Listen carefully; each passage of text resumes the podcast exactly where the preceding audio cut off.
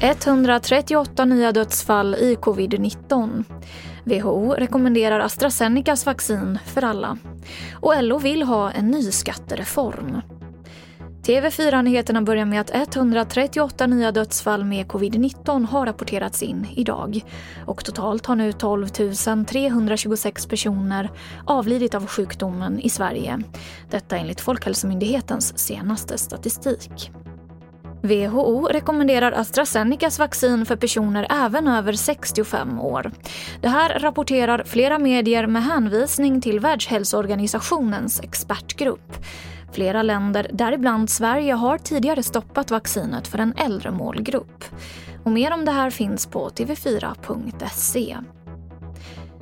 LO vill ha en ny skattereform för att minska inkomstskillnaderna i Sverige. Susanna Gideonsson är ordförande i LO.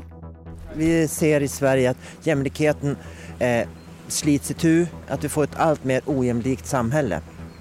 Vi behöver göra någonting när det gäller skatterna. LO publicerar idag sin årliga mätning av löneskillnaderna mellan direktörer och industriarbetare. Och eftersom de skillnaderna fortsätter att vara stora kräver fackföreningsrörelsen nu en höjd skatt på kapitalinkomster. Samtidigt vill man också höja skatten för alla som tjänar mer än en miljon kronor per år.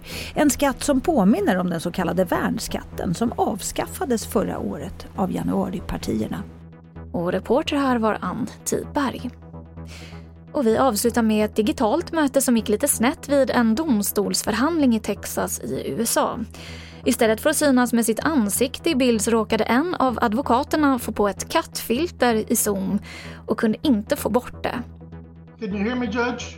I can hear you. I think it's a filter. It, in the- it is, and I don't know how to remove it. That's, I'm here live. It's not, I'm not a cat.